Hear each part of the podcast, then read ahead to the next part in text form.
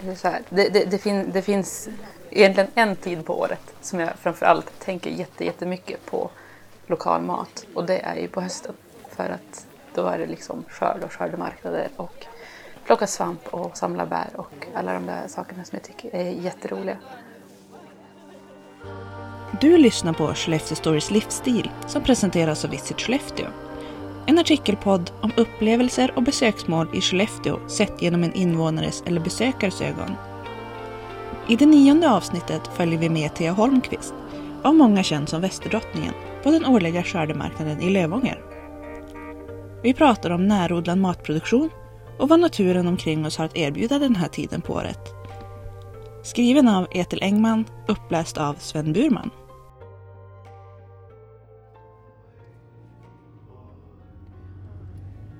Den här berättelsen börjar i en bil mellan Bure och Lövånger. Jag sitter tillsammans med Thea Holmqvist, bland många känd som Västerdrottningen, och vi åker igenom ett färgsprakande Västerbotten. Vi är på väg till skördemarknaden i Lövånger och naturen utanför bilrutan har övergått från en grön och frodig sommar till en palett av gula, bruna, orangea och röda nyanser. På åkrarna ser vi traktorer som tar hand om höet och på gårdar runt om i länet skördas just nu potatisen och morötterna och massa andra av grödor för fullt. En del säljs nu på direkten på skördemarknader likt den vi är på väg till medan en del lagras och säljs löpande under årets gång.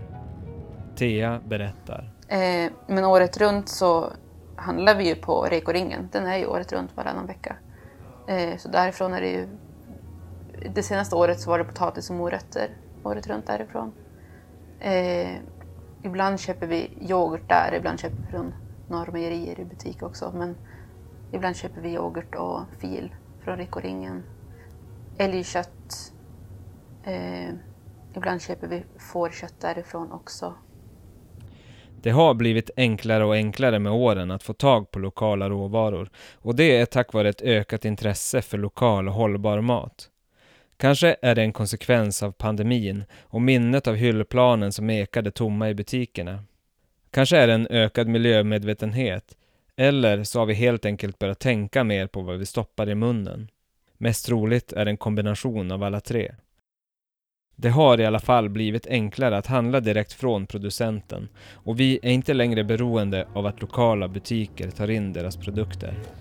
De gånger vi köper köttfärs så köper vi från en gård här i Bure där jag bor kan man ta cykeln dit. Så går man dit på deras lilla...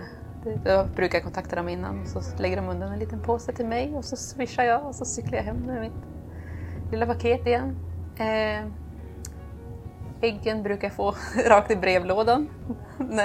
hon som har hönsen brukar, när hon ska in till stan eller någonting, så åker hon förbi. Lägger dem där. Så har jag en liten skatt som jag kan hämta på lunchen. Att jag och Thea pratar just om mat känns naturligt nu när vi faktiskt är på väg till en skördemarknad. Thea brinner för det lokala och det hållbara i alla aspekter av livet och vi kommer ofta in på det ämnet de gånger vi ses.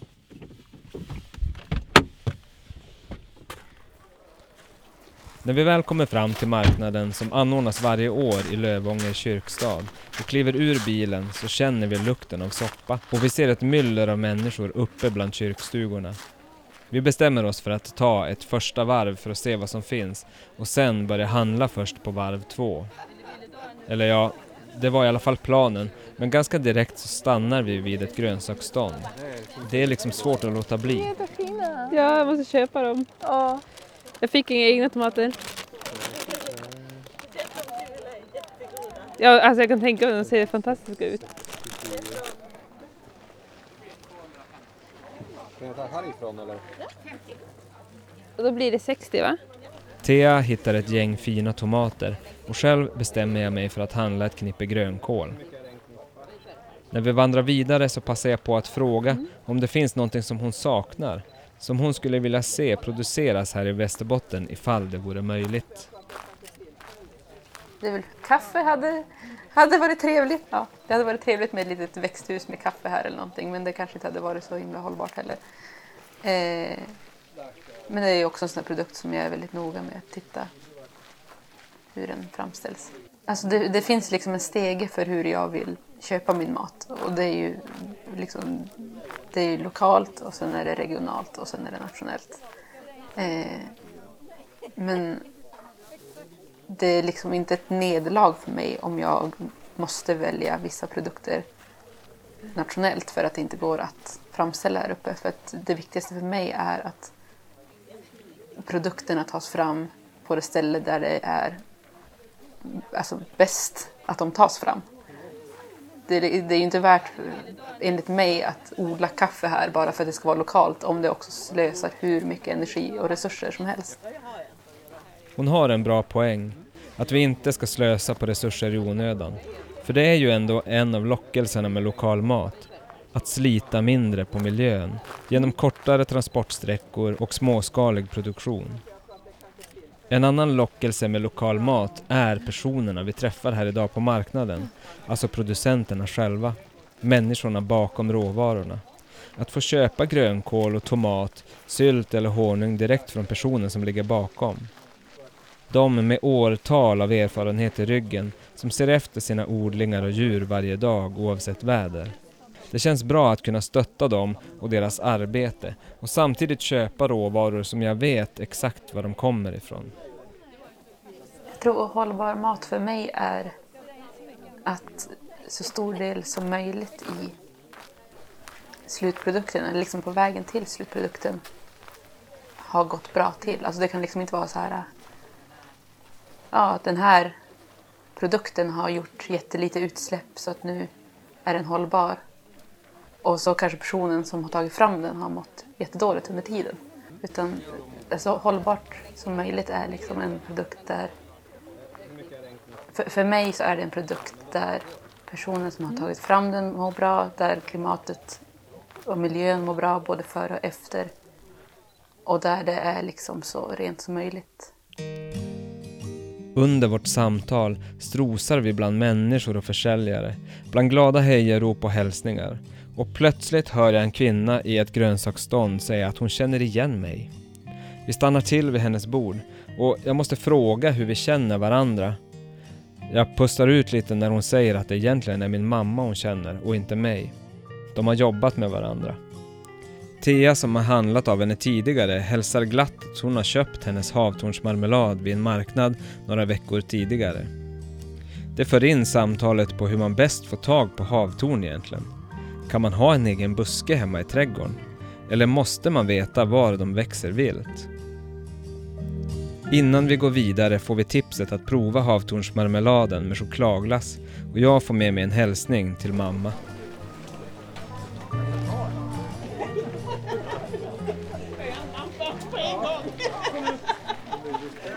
Jag och Thea är nu halvvägs genom skördemarknaden och ännu är vi bara inne på första varvet. Vi går mellan prydnadspumpor, piroger och till och med soppan som vi kände doften av redan vid parkeringen. Jag ser en kvinna som jag vet driver en kaninfarm i Kåge och inser att jag faktiskt aldrig smakat just kanin. Thea ser ännu en säljare som hon har handlat av tidigare och bestämmer sig för att köpa ett knippe morötter. Jag förstår henne, morötterna smakar som allra bäst just nu. När hon kommer tillbaka reflekterar hon över priset. För mig är det ju helt absurt att, en, att liksom ett morotsknippe kan kosta 25 kronor. För att det blir som bara, ja men jag har haft eget företag, jag vet liksom, ja men om det kostar 25 kronor i butik, hur stor del har då butiken lagt på för det de har köpt in den för? Hur mycket har den som odlade morötterna då fått? Och hur mycket av den lilla pengen har gått till skatter och avgifter? Kanske betala drivmedel för liksom det de planterade, eh, fröna, bevattning. Alltså det är så mycket som... Jag, jag tror ibland att folk kan glömma bort både arbetet och allt runt omkring. Att ja, här är det en morot, hur kan den kosta 10 spänn? Så bara, jo, men det var ganska många timmar någon skulle föreslå den och den ska liksom plockas upp och så ska den paketeras och så ska den fraktas. Och det är bara, liksom, det är bara en morot. Alltså tänk dig liksom ett får. Det ska ju, det ska ju tas om hand. Thea både odlar och samlar från skogen själv och jag frågar henne hur årets odling har gått. Hon skrattar och undrar skämtsamt vilken odling? Det här året blev det tydligen inte så mycket sått, förklarar hon. Och det hon sådde gick ganska dåligt. Men det gör inte så mycket, säger Thea. Jag lär mig bara att respektera de som verkligen kan odla och som lyckas gång på gång, förklarar hon. De som möjliggör för mig att köpa lokalproducerade morötter här idag, då mina egna hemodlade morötter inte blev tjockare än en grillpinne, säger hon och skrattar.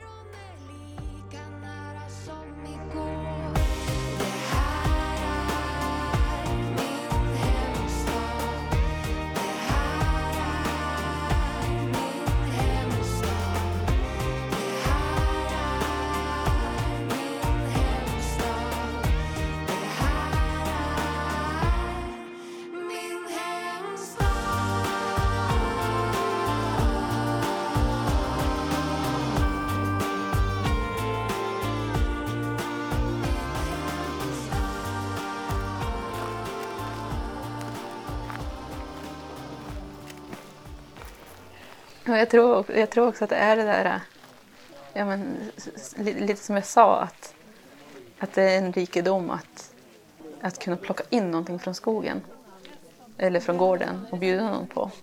Men egentligen så är det ju precis lika fantastiskt att kunna köpa någonting lokalt i butiken. Nu har vi tagit oss första varvet runt. Vi har handlat en del och det är dags för varv två. Thea ska handla vitlök och själv kan jag inte riktigt sluta tänka på det där kaninköttet. Men jag bestämmer mig för att vänta med det tills vi ska börja åka hemåt. Köttet är fryst och jag vill inte att det ska behöva tina mer än nödvändigt. När Thea kommer tillbaka med ett gäng vitlökar köper vi varsin kopp kaffe och sätter oss ner och tar en liten paus. Kaffet värmer gott i den friska höstluften. Nöjda med våra inköp så här långt glider vi återigen in på vad som är bra och hållbar mat. Det finns så många parametrar att hålla koll på. Och vad är det som egentligen är det bästa valet? Jag är nästan lite allergisk mot rubriker som liksom det här är bäst. Då måste man säga vad det är bäst för också. Och det här är bäst för klimatet. Ja, men det kanske är sämst för djuret. Men det, alltså, det finns så många saker att ta hänsyn till när det kommer till mat och jag tror att det går inte vara perfekt eller det går inte att vara perfekt i någonting, men det går framförallt inte att vara perfekt i sitt livsmedels... I, i, sitt val av vad man äter. Jag tror att man bara får försöka göra det bästa man kan. Och det jag tror är bäst och som jag går efter det är att välja lokalt och ekologiskt så mycket som möjligt. Och att äta i säsong och att försöka äta mer växtbaserat. Efter vårt andra varv är vi nöjda och redo att ta bilen hemåt igen. Men när vi nästan är framme vid parkeringen så påminner Thea mig. Kaninköttet. Jag går in bland stånden ännu en gång och hittar rätt bord och har turen med mig. Det finns fortfarande kvar kött och jag handlar med mig kaninfilé och rökt skinka. Medan jag springer ifatt Thea igen så planerar jag dagens middag.